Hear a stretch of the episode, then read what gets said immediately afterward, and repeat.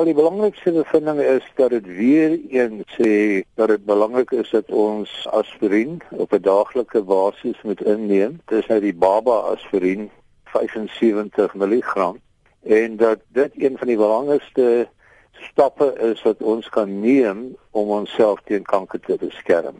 En die hoop is ook dan teen 2050 dat kanker so te sê uitgewis kan wees indien ons ja, dit doen. Dis 'n voorspelling wat hier gemaak word dat as ons 'n paar dinge doen, byvoorbeeld nie rook nie. Byvoorbeeld ons hele situasie ten opsigte van die energieverbruik en inname vir ons liggaam sodat ons nie oorgewig word nie en dat ons ons liggaam optimaal gebruik en dan derdens hierdie byvoegsels soos uh, baba aspirien en die prentjie bring en 'n paar ander goed ook, dan kan ons die insidensie van kanker sodanig verminder dat jong kinders wat vandag rondhardloop nie eendag baie maklik kanker gaan hê voor die ouderdom van omtrent 80 nie. Hulle gaan kankervry wees. Die rede hoekom hulle nie vir altyd kankervry gaan wees nie, is omdat teen die tyd wat jy 80 jaar oud word, is daar al 'n versameling van mutasies in die selle van jou liggaam wat dan uiteindelik deur kombinasie 'n kankersel tot ontstaan. En ongelukkig kan ons nie van hierdie mutasies ontslaa raak nie. Hulle neem toe met tyd. Dit beteken nie almal wat 80 word kry kanker nie, maar die risiko vir kanker op 80 is nogal hoog. Maar jy weet die risiko is, is redelik hoog al die pad op na 80 en wat hulle nou sê is dat die risiko gaan hoofsaaklik verdwyn. En dit is nou 'n kombinasie van jy weet voorkoming voordiagnose en tot 'n mate ook beter terapie. Maar dit is nie die eerste keer dat aspirine geprys word vir al sy wonders nie. Ja, kyk, aspirine is al lank op die tafel, né? Ek dink dis omtrent 15 jaar oor die debat aan die gang is, moet ons of moet ons nie. Maar die debat dink ek het nou die punt bereik waar die advies is, en is ook die advies van die kankervereniging.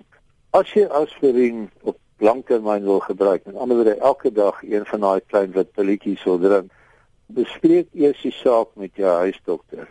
Tweede is hoekom jy dit moet doen, want die huisdokter kan vir jou vra vra en byvoorbeeld besluit of jy dalk 'n risiko gaan hê om bloeding in die maag te kry of nie.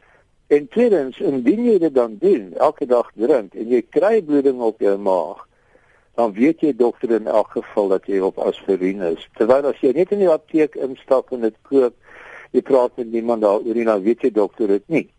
Ja, want die vermoë van aspirien om kanker te voorkom is oor en oor bewys veral met die kolonkanker wat 30% verminder kan word. Die ander ding wat jy moet onthou is dit help nie om vandag die aspirien te begin gebruik en dink dat jy nou môre beskerm is nie. Dit vat 'n hele paar jaar van gebruik om die beskerming te kry. Ons het al baie in die verlede hieroor gepraat dat mense moet versigtig wees om te sê iets is 'n deurbraak. Met hierdie navorsing nou is nie grootendeels wensdenkery nie. Ja, ek dink dit is wensdenkery, maar ek dink dit is 'n goeie wens. Ek het een keer vir 'n groep Amerikaners gevra by 'n kongres in Amerika, wanneer dink hulle sal ons kanker heeltemal uitwis? Dis hulle vir my, hulle konsensus is 50 jaar. Dit was 5 jaar gelede, so met ander woorde 45 jaar van nou af. En nou praat ons voorkoming, ons praat terapie, ons praat enige iets wat relevant is tot die onderwerp. Kyk, ons is al 50 jaar aan die gang.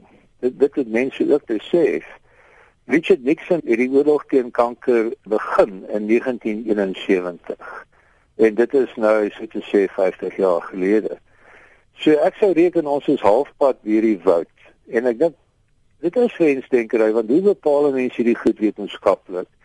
Maar ek dink die beste kennis en dit is weer interessant van hierdie nuwe persvrystelling is dat goeie kennis by goeie instituie in Engeland praat nou van 'n kankervrye wêreld binne 50 jaar.